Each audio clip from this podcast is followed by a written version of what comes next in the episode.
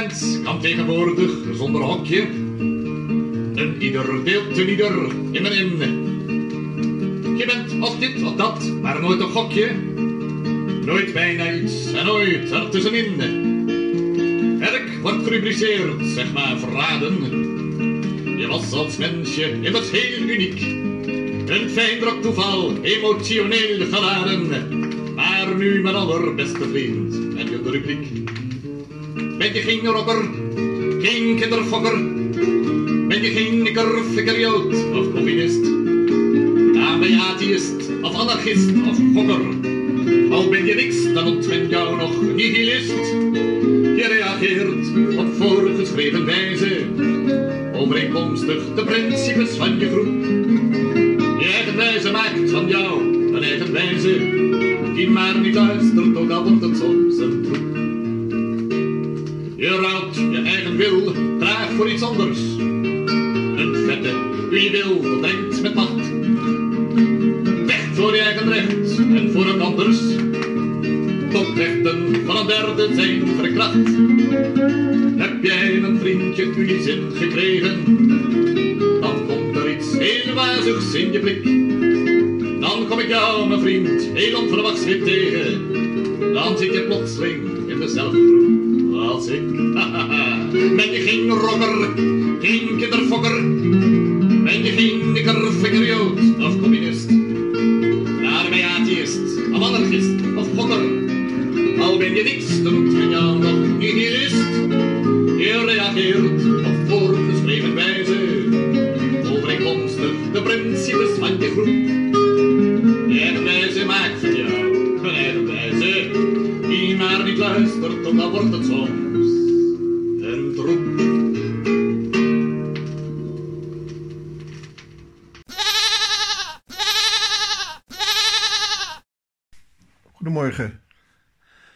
vandaag 3 december 2020.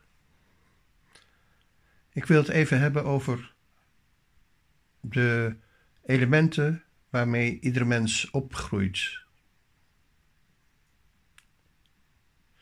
Ieder mens groeit op aan de hand van voorbeelden. En die voorbeelden,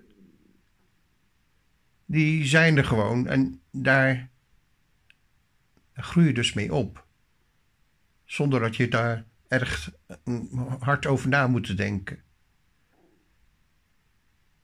Je groeit er gewoon mee op. Ik ben opgegroeid met verschillende belangrijke personages in mijn leven.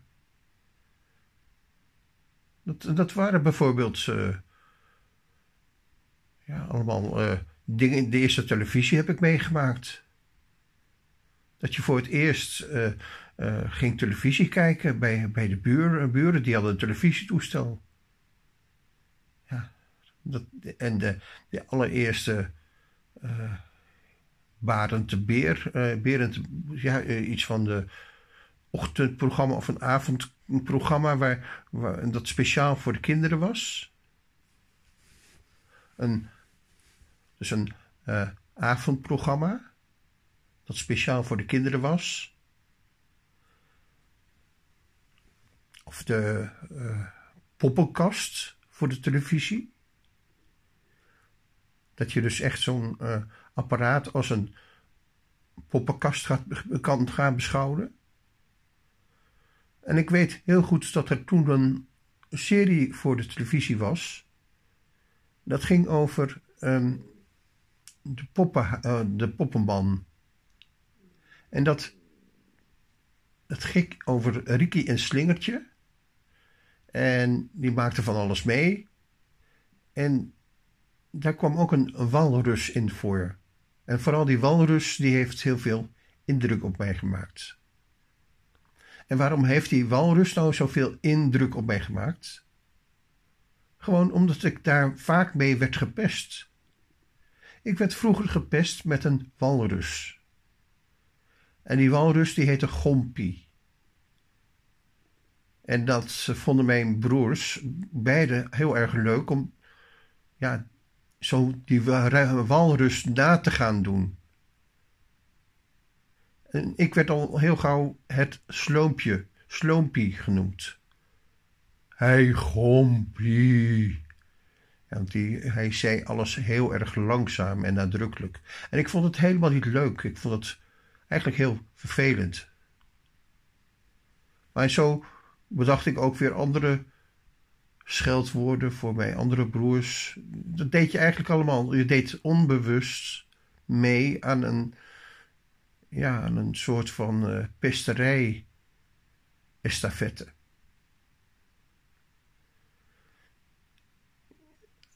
En dan gaan we, ja, kan je verplaatsen dat wij op de televisie eigenlijk allemaal zwervers tegenkwamen die zich presenteerden.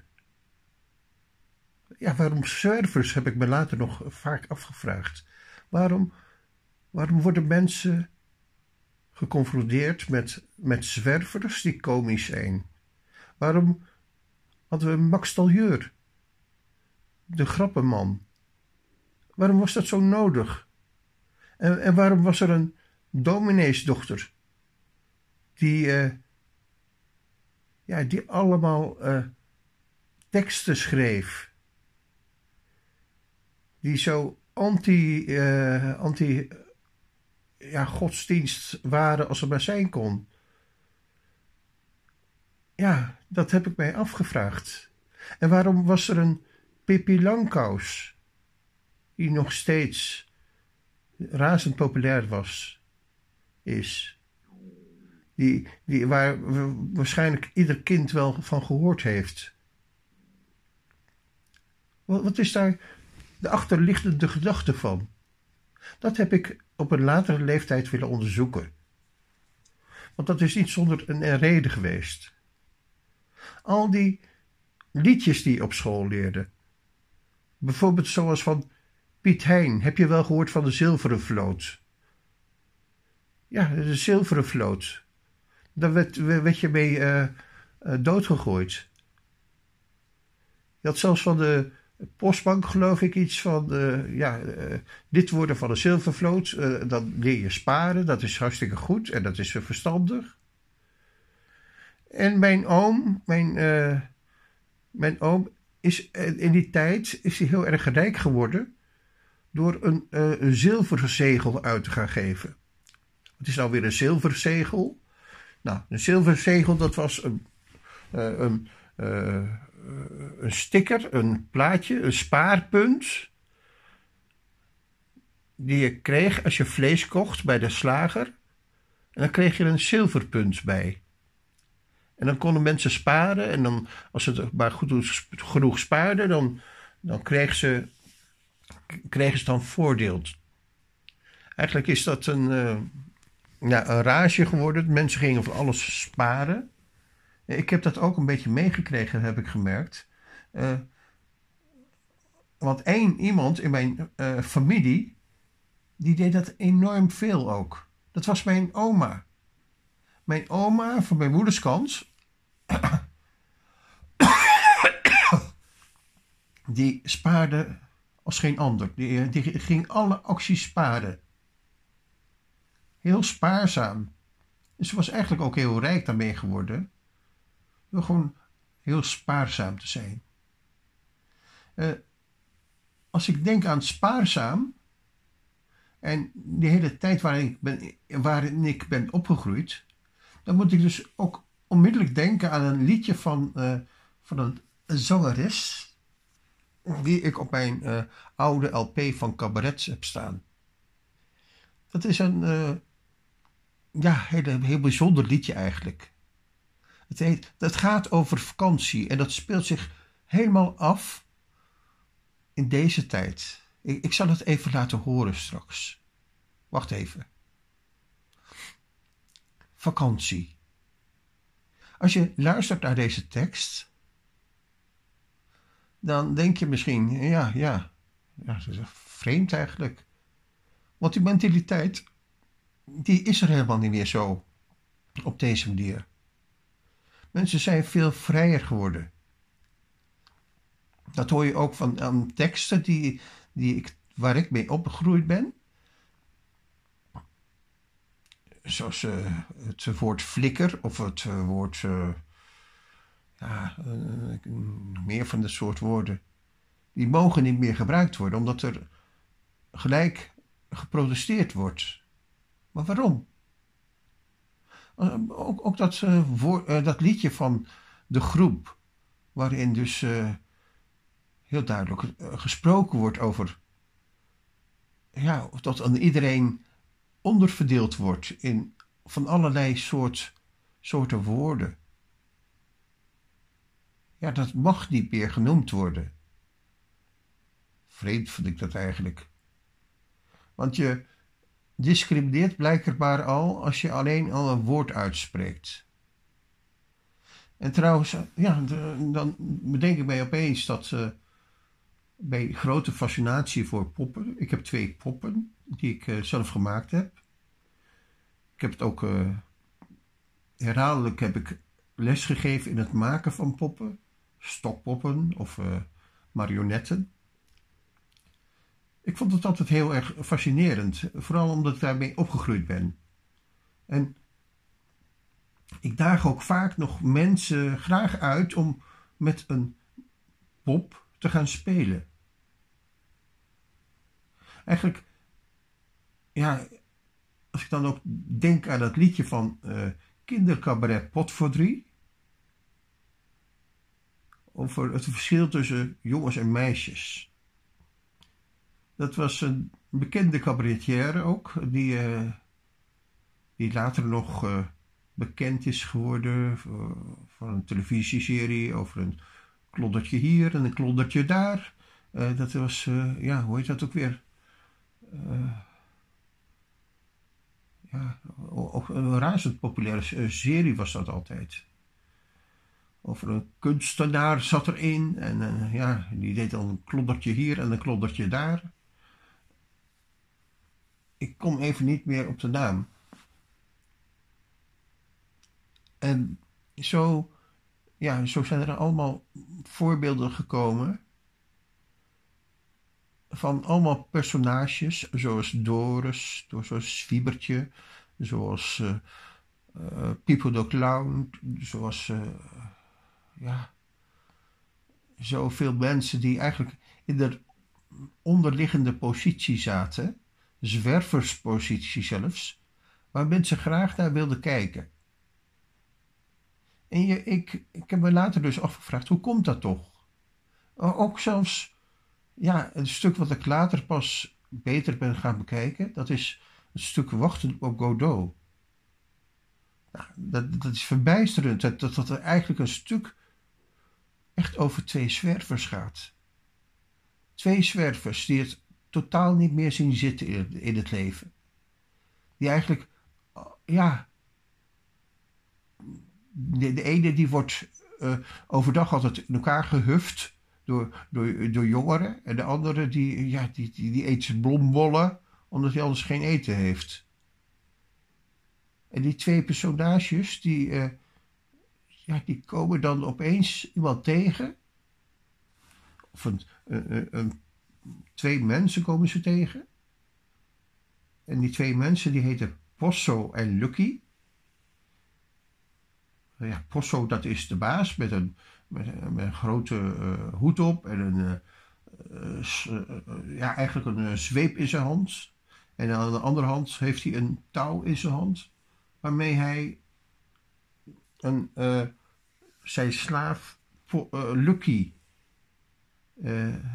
vooruit laat gaan. Als een soort rendier draagt hij alle, allemaal koffers en en in die koffers daar zit gewoon zand, maar dat maakt niet uit. Maar ook de, de, allemaal dingen die meneer Posso nodig heeft, die, die draagt Lucky. De gelukkige Lucky.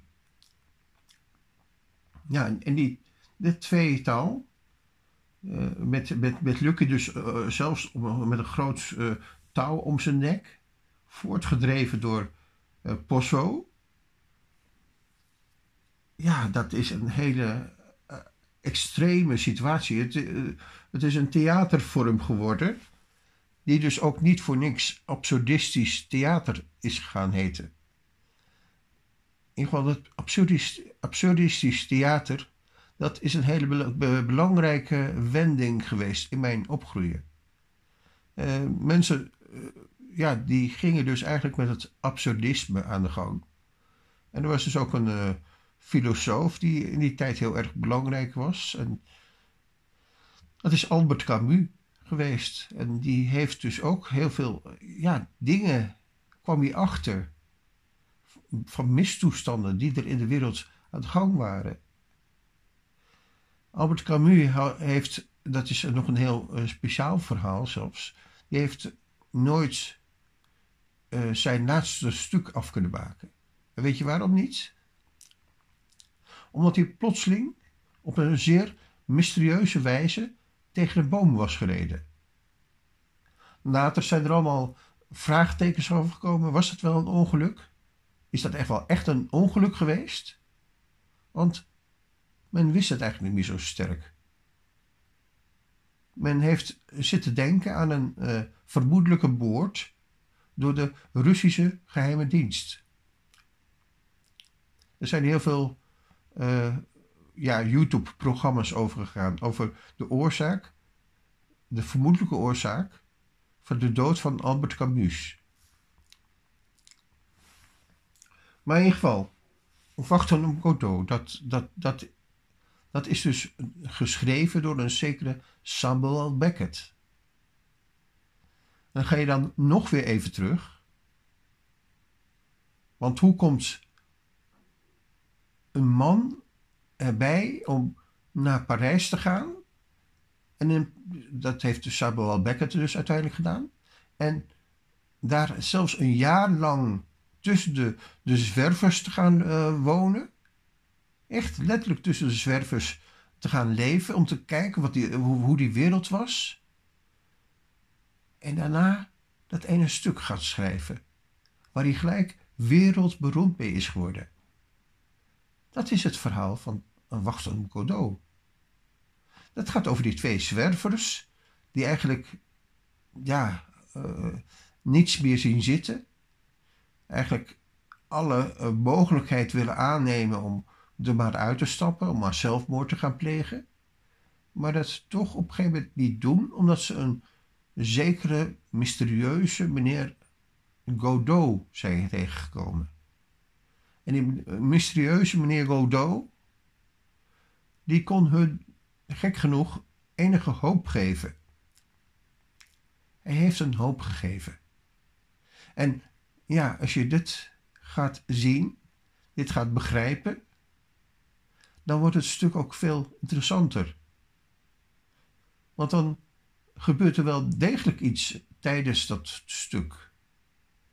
Dan gaat er een wending zich afspelen. In, in het stuk Wachten op Godot zit een hele duidelijke wending. Veel mensen die het misschien voor het eerst zien, die zien dat niet. Maar als je het een paar keer hebt bekeken en gaat begrijpen waar het over gaat, dan is dat wel zo. En dan heb je natuurlijk het uh, gegeven dat uh, in die tijd had je een hele bekende poppenspeler in Nederland. Die heette Jozef van den Berg.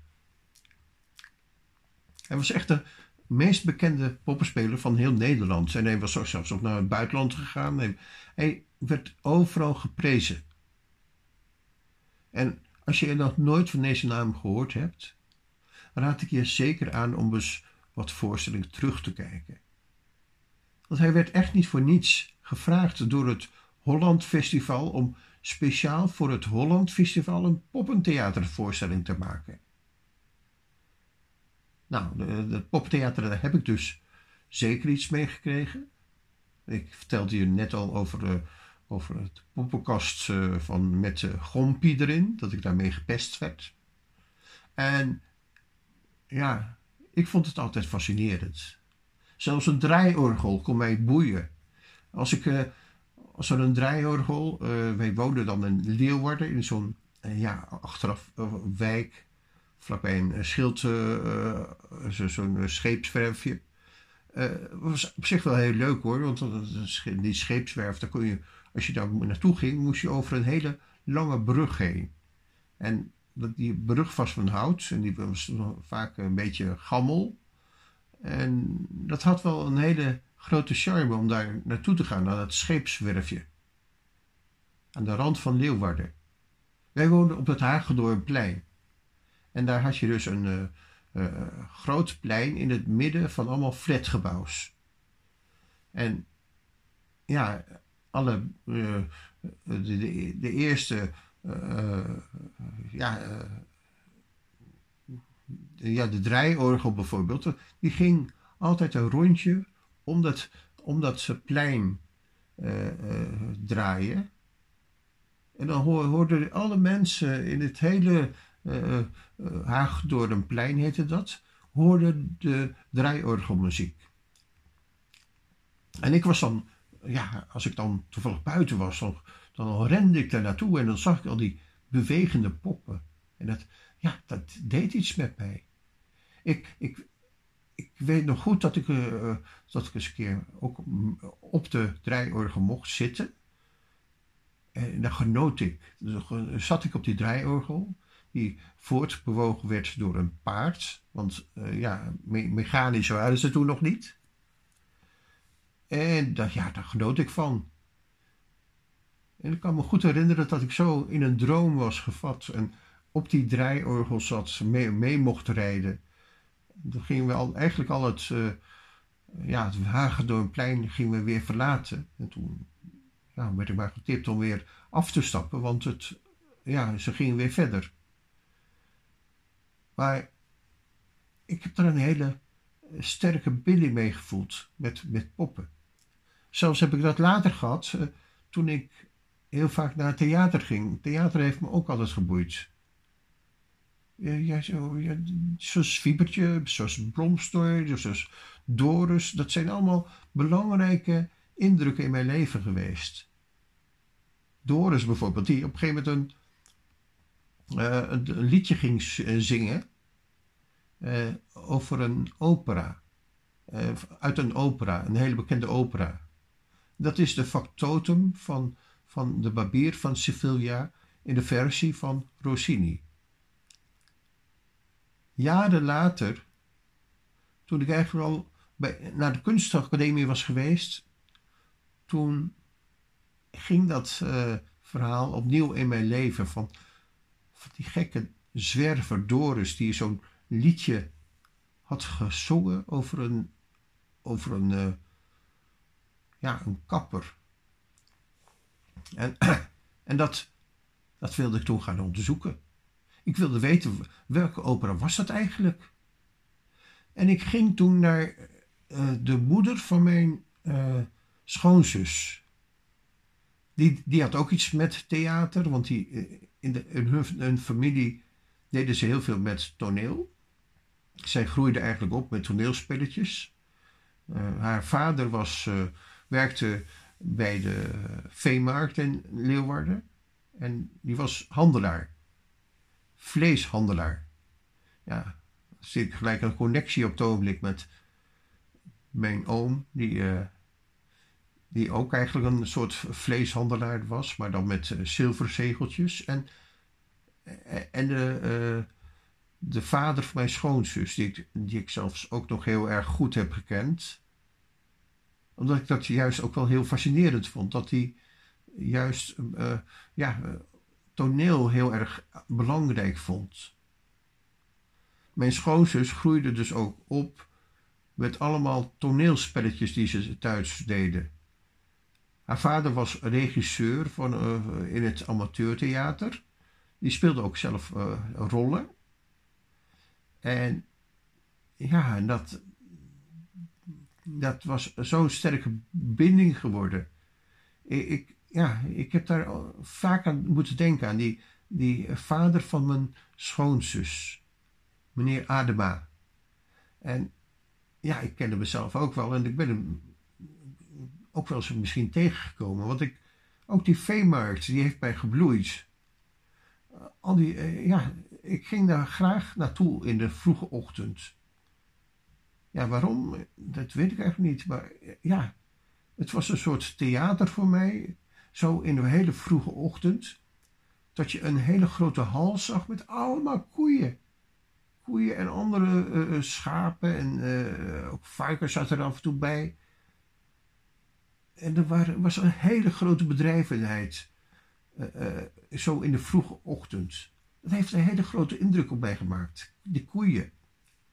Ik heb ook vaak in mijn ja, toen ik net gitaar leerde spelen, toen ben ik heel vaak uh, voor de koeien gaan spelen.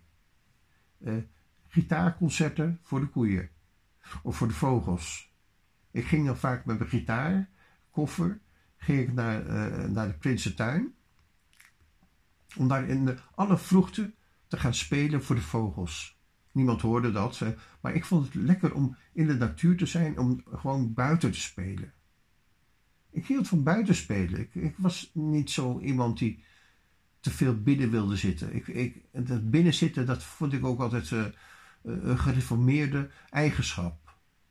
Ja, ik, ik, ik, had vriendjes, bijvoorbeeld broer Terpstra, kan ik me nog herinneren. Die was gereformeerd. En als het zondag was, dat was een ramp. Zondagen waren helemaal niet leuk. Dat waren vreselijke dagen moet je in die dorpjes komen. Nog, nog steeds is dat zo. Als ik in Oudkerk kom, uh, waar, waar bijvoorbeeld ik, ik, iemand heb leren kennen die daar een galerie nu heeft. Ja, dat, dat, dat, dat draai ik mijn nekken van. Oh, dat, komen er allemaal koude rillingen van afschuw komen naar boven.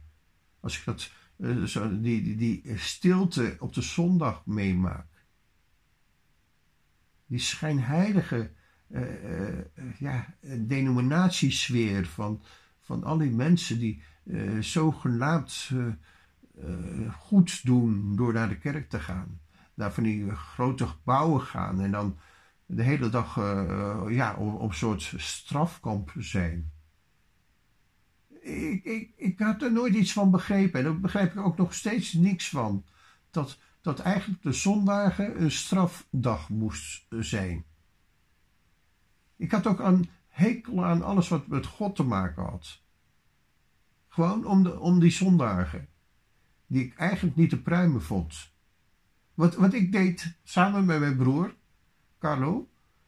Dat kan me nog herinneren. Wij gingen op zo'n zondag gingen we dan vaak liften. We hebben wel gelift, als kinderen zelfs. Dan gingen we liften naar Groningen. En dan maakten we een groot bord van uh, Groningen. En dan uh, gingen we aan de kant van de weg staan en dan gingen we liften. We wisten dat we op die manier ergens anders konden komen. Nou, het was geweldig. Het eerste avontuur, eh, de eerste avonturen die ik meemaakte was door gewoon te gaan liften. Ja, dan kwam je telkens bij verschillende mensen in een auto te zitten. En uh, soms is dat, ja, was het ook wel één. Ik kan me herinneren dat ik wel eens iemand uh, een lift van iemand had gehad uh, die, die tijdens het rijden de hele tijd aan zijn, aan zijn geslachtsdeel zat te, te wrijven. Dat vond ik helemaal niet leuk. Dat vond ik vreselijk. Of ja, de meest enge lift die ik ooit heb meegemaakt.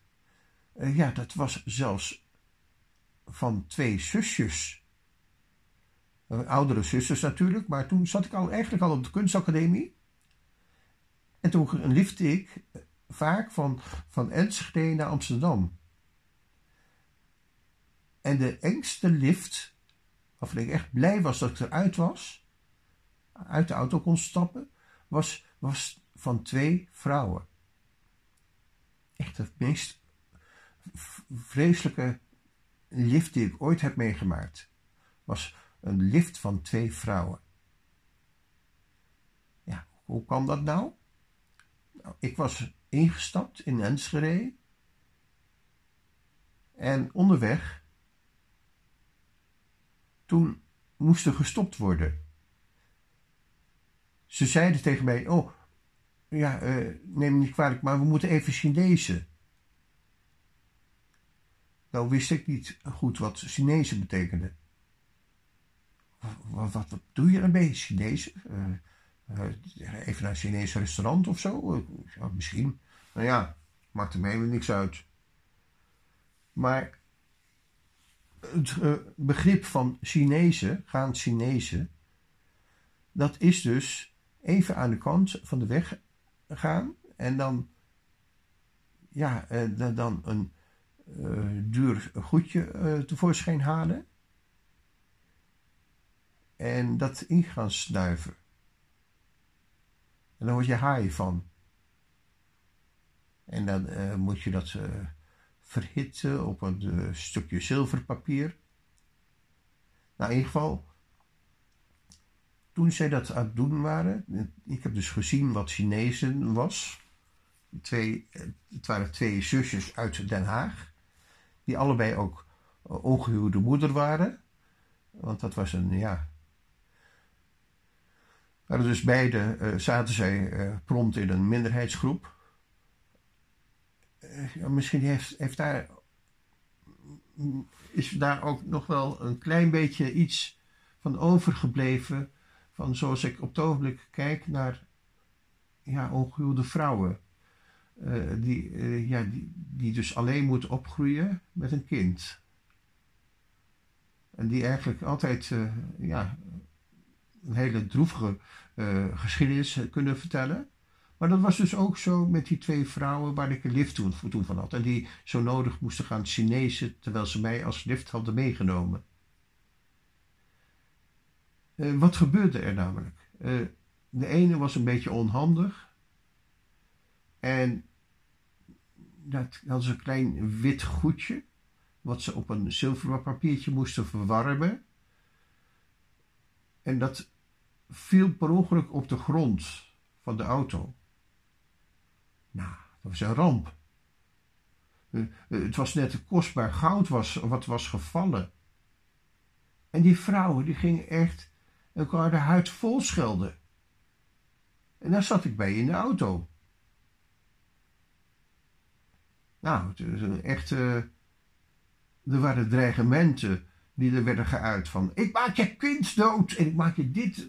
Ja, de meest vreselijke teksten hadden ze. En ik, ik was stil, ja, namen klinken. Ja, wat moet je? Je hebt een lift en je, je, bent in handen van de mensen die, die jou die lift hebben gegeven. En uiteindelijk, uh, ja, al huilende tegen elkaar zaten ze te schelden en te mopperen en te kankeren van ik maak je dood. Uh, ja, dat, was niet een leuke situatie om tussen te verkeren. En ja, later ben, je ook nog, ben ik nog veel meer mensen, uh, vrouwen tegengekomen, die allemaal hun man waren kwijtgeraakt. En ja, en omdat ik veel van toneel houd, kwam ik ook nog achter een, zelfs de, het ontstaan van de hele vrouwbeweging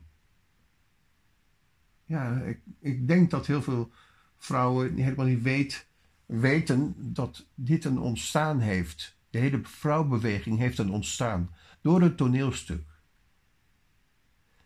Er is namelijk ooit een, een, een man geweest in, uh, in Noorwegen. Een hele bekende toneelschrijver. Ik, ik heb daar tijdens mijn scenografie heb ik daar ooit nog een, een toneelstuk van uh, moeten schrijven of ja, moeten bekijken, moeten lezen over Borkman. Maar dit, dit, was een stuk wat ik toen destijds niet had gelezen en dat, dat heette Poppenhuis. Nou denk je aan een poppenhuis, oh ja leuk, poppen. Maar in dit huis, in dat toneelstuk, dat, dat gaat dus helemaal niet over uh, uh, onechte poppen. Dat ging dat ging over mensen. Dat ging over vrouwen. Vrouwen die als een soort modepop werden beschouwd. En die eigenlijk niet serieus genomen werden door hun man. En daar gaat dus Poppenhuis over. Over een vrouw die eigenlijk uitgekozen is door, een, door haar man vanwege haar uiterlijk, vanwege het uiterlijke plaatje voor de buitenwereld. Nou, het is zo'n absurdistisch stuk eigenlijk al. Poppenhuis van Hendrik Ibsen. Als je het nog nooit gehoord hebt, ga het eens lezen, want ja, eigenlijk hier, uh, als je het op de Wikipedia gaat bekijken, dan zie je hier ook een hele duidelijke aanwijzing voor de hele vrouwbeweging. Dat hier de vrouwbeweging ook uh, deels door ontstaan is. En, en, ik weet heel goed hoor dat ik, dat ik die tijd heb meegemaakt. De, de hippie-tijd, dat was ook de tijd van dolaminas. En wat waren dat nou, die dolaminas? Wat, wat waren die vrouwen nou altijd die een baas in bij eigen buik wilden roepen? En, en, en dan denk ik ogenblikkelijk aan Annie Presmiet die eigenlijk helemaal als een domineesdochter uh, ja, zo haar buik vol had van die demonatie van haar vader, dat ze dat, dat breed uit in het theater heeft gebracht. Ja, als je dat later bedenkt, dat, dat zij dat als domineesdochter zelfs heeft gedaan, ja, dan kan je je bedenken dat er iets aan de hand was wat niet goed was in deze wereld iets wat heel kwalijk was in, in de tijd ik, eh, waarin ik ben opgegroeid. Ja, eh, niet voor niks dat al die mensen die, die echt er tegenin gingen. Niet voor niets dat, dat, dat we dus ook een tegenpartij kregen. Een tegenpartij tegen, eh, tegen alles van wat God was. Tot we een Robert Long kregen, die, die een liedje ging zingen van red, red Jezus uit de goot. Het was echt heel noodzakelijk. Ik, een goede vriend die ik leerde kennen in Leeuwarden, dat was een kunstenaar. Hij was biseksueel. En hij heeft mij een boekje open gedaan over, over het Vaticaan. Wat een vreselijke instelling dat was. En hij had daar heel veel onderzoek naar gedaan. En ik, ik, kwam toen eigenlijk ook wel heel erg uh, goed tegen dat het zijn van een kunstenaar is eigenlijk een soort van onderzoeker willen worden. En dat ben ik, eh, ja, ben ik nog steeds. Dat ben ik in hart en nieren. Ik ben een onderzoeker. Ik ben, ja, dat heet wel kunstenaar, maar ik ben misschien uh, meer eh, blij met de, de naam van uh, ja, onderzoeker. Mijn vriend, dat was dus een, bekende Friese kunstenaar. Hij heette Jan Stroosma. Die, die tekende alles. Die, die ging ook naar de, de, de repetities van mijn vader. Die zat in een symfonieorkest. Daar ging hij naar de repetities toe om, om, om muzikanten te, te tekenen en te schetsen. En hij, ging de, uh, het weiland in om te schetsen. Hij, zag als geen ander al die prachtige luchten in Friesland. Uh, hij genoot daarvan. Hij, hij, hij, ging ook altijd allemaal fabrieken af om daar uh, restanten van, van, van producten op te halen. Mensen die, dingen die mensen weggooiden en die ze als afval beschouwden, daar ging hij kunstwerken van maken. hij, het was voor mij een heel belangrijk voorbeeld. En ik ben graag met hem omgetrokken. En dan gingen we samen bijvoorbeeld een dag naar, naar of naar Ameland. En dan gingen we met de bus naartoe en met, uh, gingen we zo'n hele dag fietsen op een eiland. Nou, dat was geweldig zo'n dag. Ik heb daarvan genoten. En ik, uh, ja, zo, zo als je morgens vroeg zo met de boot eerst naar een eiland gaat en dan ga je daar een fiets huren. En dan ga je gewoon een dagje fietsen op zo'n eiland. Dat is heerlijk. En dat, dat leerde Jan mij. Jan Stroosma heeft mij dat geleerd. En ja, dat, ja daar kon hij ook. Hij was een hele goede verteller ook, hè, Jan Stroosma. En zo ben ik ook met hem in contact gekomen. Ik, eh, ik heb ooit uh, gewerkt in een fotozaak. Ik heb al heel vroeg in mijn leven uh, wilde ik foto's maken. Dat, eh, dat was ook een magie die me heel erg heeft getrokken altijd. Het maken van foto's en filmpjes. Dat is mij eigenlijk in de pap, met de paplepel inge, ingegoten. En mijn vader was heel blij dat ik hield van fotograferen. En ik, was, ik ben nooit een technische fotograaf geweest. Ik ben altijd een, ja, meer kunstfotograaf geworden. Ik, en ik heb ook echt de meest perfecte leraar gehad die ik me voor kon stellen. Dat was niet zo'n oude hoer die alleen maar wilde lullen over foto's. Nee, die, dat was iemand die. Iemand van de praktijk, die, die wilde gewoon je meenemen naar buiten. Want buiten ging je fotograferen en niet, niet in je hoofd ging je fotograferen. Misschien doen zakenmensen of mensen die uh, geld mee willen verdienen met fotograferen, doen dat wel. Maar ik ben altijd iemand geweest die erop uit wilde trekken. Zelfs heb ik een tijdje nog, ben ik uh, sportfotograaf geweest. Uh, moest ik allemaal sportteams gaan fotograferen. Of ik ben ja, bij een bedrijf in, in een oude textielfabriek. Daar hadden ze ook een fotobusiness. dan mocht ik uh, eigenlijk telkens uh, naar grote bijeenkomsten gaan waar braderies uh, afspeelden en mocht ik mensen fotograferen die daar, daar kwamen. En dan, ja, dan moest je van, van tevoren zelf alles regelen. De hele zakenbusiness moet je eigenlijk zelf regelen. Je moest ook zo'n, ja, computers waren toen niet zo in. Je moest zo'n stempelkussentje kopen. En met allemaal verschillende lettertjes. Uh, ja, dat kan je nu niet meer voorstellen, maar dat was toen echt iets wat ik gedaan heb. Ik heb een, zo'n, voor, ja, voor, voor, een klein bedrag, een bedrag kon je zo'n uh, drukkerij dingetje kopen. En dan kon je, kon je je eigen stempeltjes maken. En dat had je, had je nodig om, om eigenlijk je eigen afzetgebied te regelen. Je moest dan bijvoorbeeld naar Middelburg gaan. Om daar, uh, daar, was dan een grotere optocht, een braderie of weet ik wat. En dan moest je tijdens die braderie moest je foto's maken. Moest je zoveel mogelijk foto's maken. Ik kreeg dus ook uh, heel veel rolletjes mee. wel twintig rolletjes had je bij je. En je moest er zoveel mogelijk vol schieten. En zoveel mogelijk zelf die blaadjes uitdelen. En waar ze die konden, konden kopen, dat, dat, dat moest je dan ook zelf regelen. Je moest een supermarkt of een de drogist moest je regelen. Uh, die je dan zelf, uh, ja, die kaartjes die je ging uitgeven, moest je zelf maken. Die moest je zelf drukken. In je eigen mini-drukkerijtje. Eigenlijk, eigenlijk was het een hele uh, ja, hele slimme handel, zeg maar.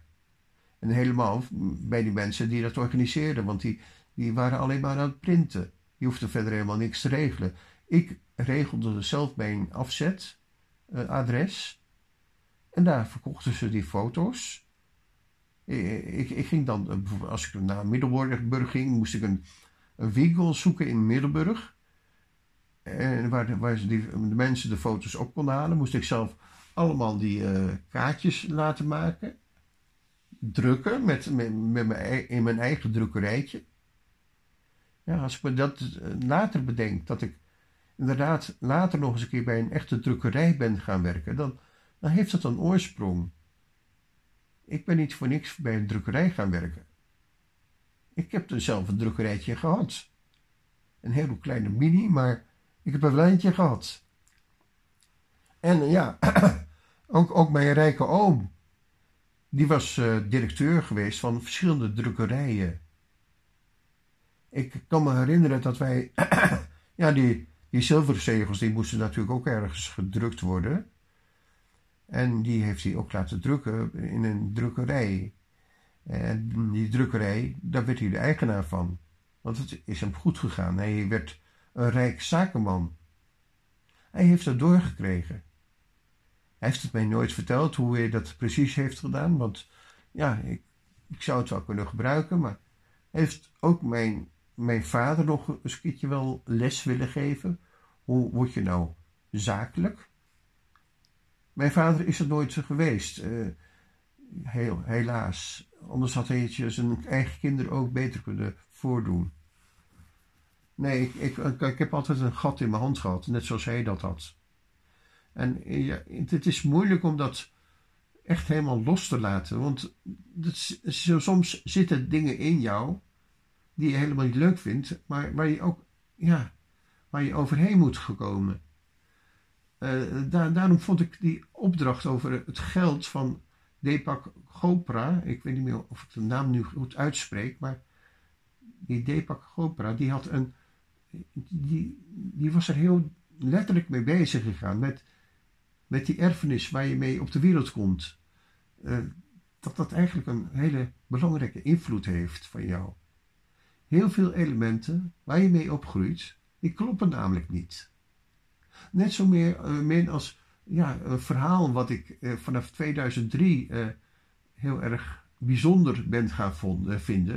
Dat was een boek wat ik ooit gelezen had over het trollenkind. Het trollenkind. En dat trollenkind, dat, dat deed iets dat hij ging roeren in een, in een water wat absoluut verboden was. En daar, daardoor geraakte een hele gemeenschap totaal in de, uh, ja, in de war. Het was een heel eigenwijs jongetje, die allemaal dingen deed die precies niet goed waren voor de gemeente, voor de gemeenschap. En ja, die ging in het water roeren waar, waar helemaal niet in geroerd mocht worden. Nou ja, dit is zo'n prachtig symbolisch verhaal. En wat ook regelrecht in mijn hart terecht kwam. Dat ik wil, had willen uitzoeken wie die schrijfster was geweest. En die, die schrijfster, ik ben er nog steeds heel erg blij mee dat ik die ook gevonden heb. En nog verder kan ik erover over vertellen dat ik ja, die schrijfster ben gaan opzoeken. Ik dacht eerst dat ze in Noorwegen of Zweden zou wonen, maar dat was helemaal niet zo. Het was een gescheiden vrouw. Net zoals Astrid Lindgren zelf, overigens, was ook een gescheiden vrouw. Het zijn allemaal gescheiden vrouwen geweest die ik in mijn leven tegenkwam. In, in die auto, die, die vrouw die wilde genezen. En ja, het, het, is een tijdsbeeld van vrouwen die niet meer gelukkig waren bij hun man en die bij hun man weggingen. Op dit moment is het dus heel normaal in Nederland dat mensen uh, twee of drie keer getrouwd zijn, of meer zelfs.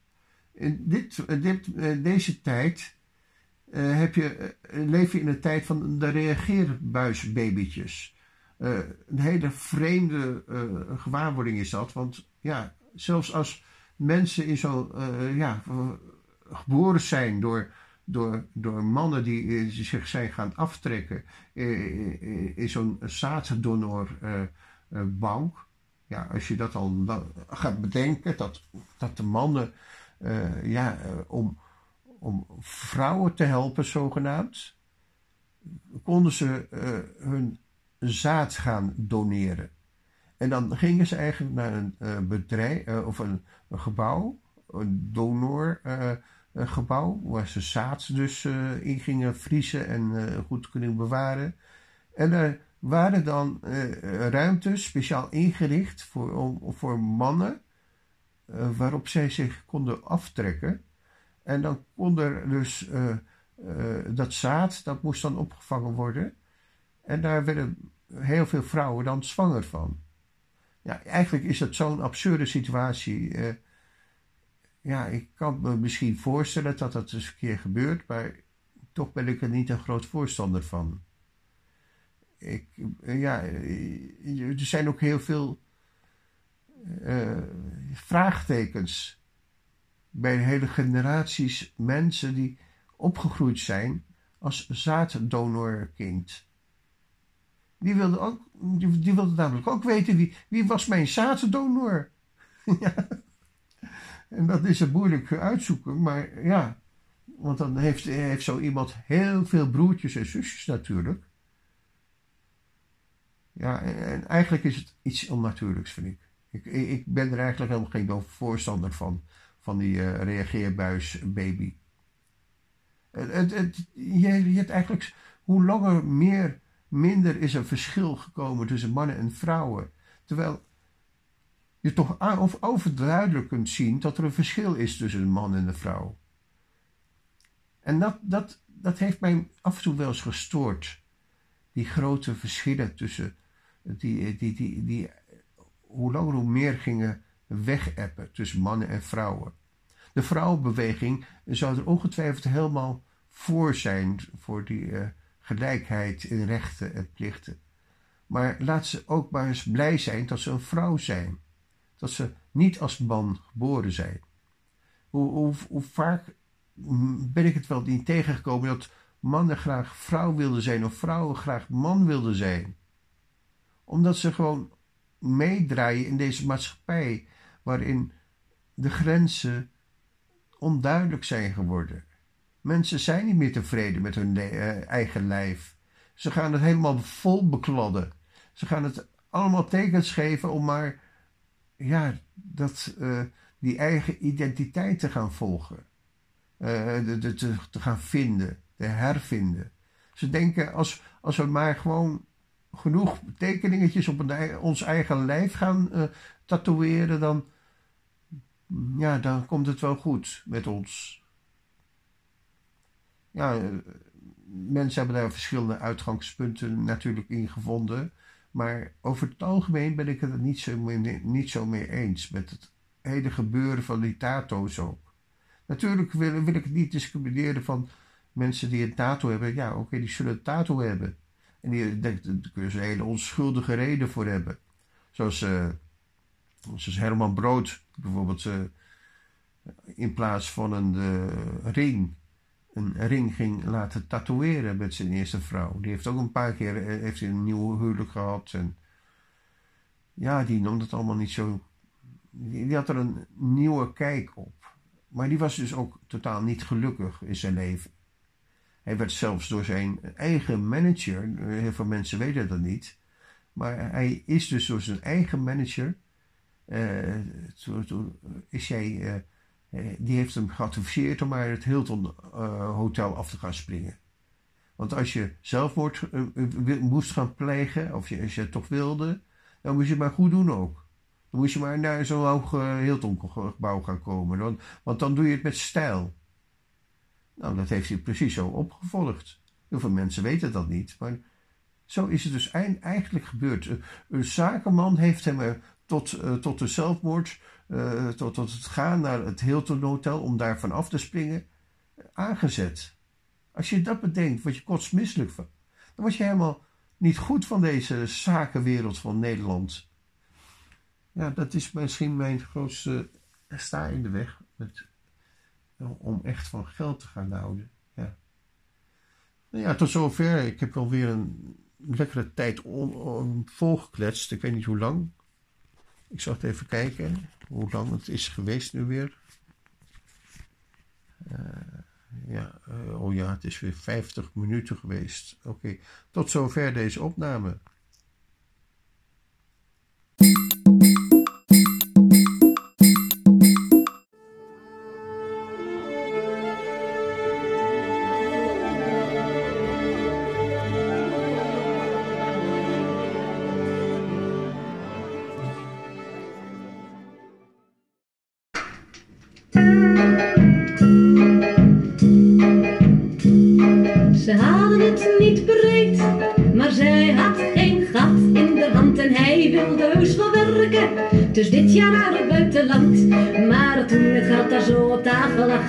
Zij zo'n 500 voor zich zag, zei ze zacht. Wat zijn eigenlijk twee weken? Dat is toch niks vergeleken bij je nieuw wasmachine. Daar hebben we lange lol van, zo je zien.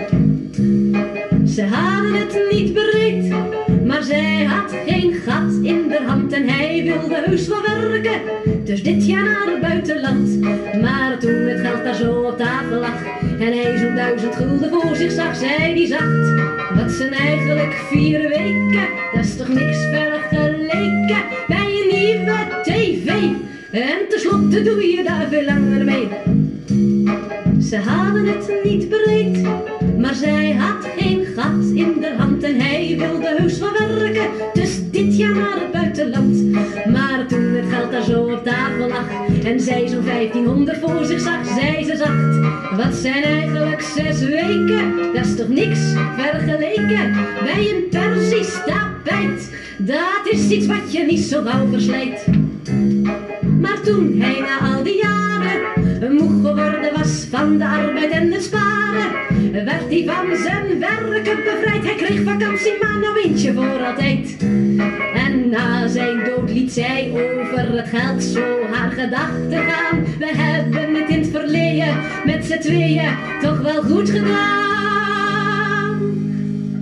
Want de herinnering aan zo'n vakantie zit uiteindelijk toch maar hier. En van al die mooie spulletjes heb ik nog dagelijks plezier. La, la, la, la, la, la, la, la.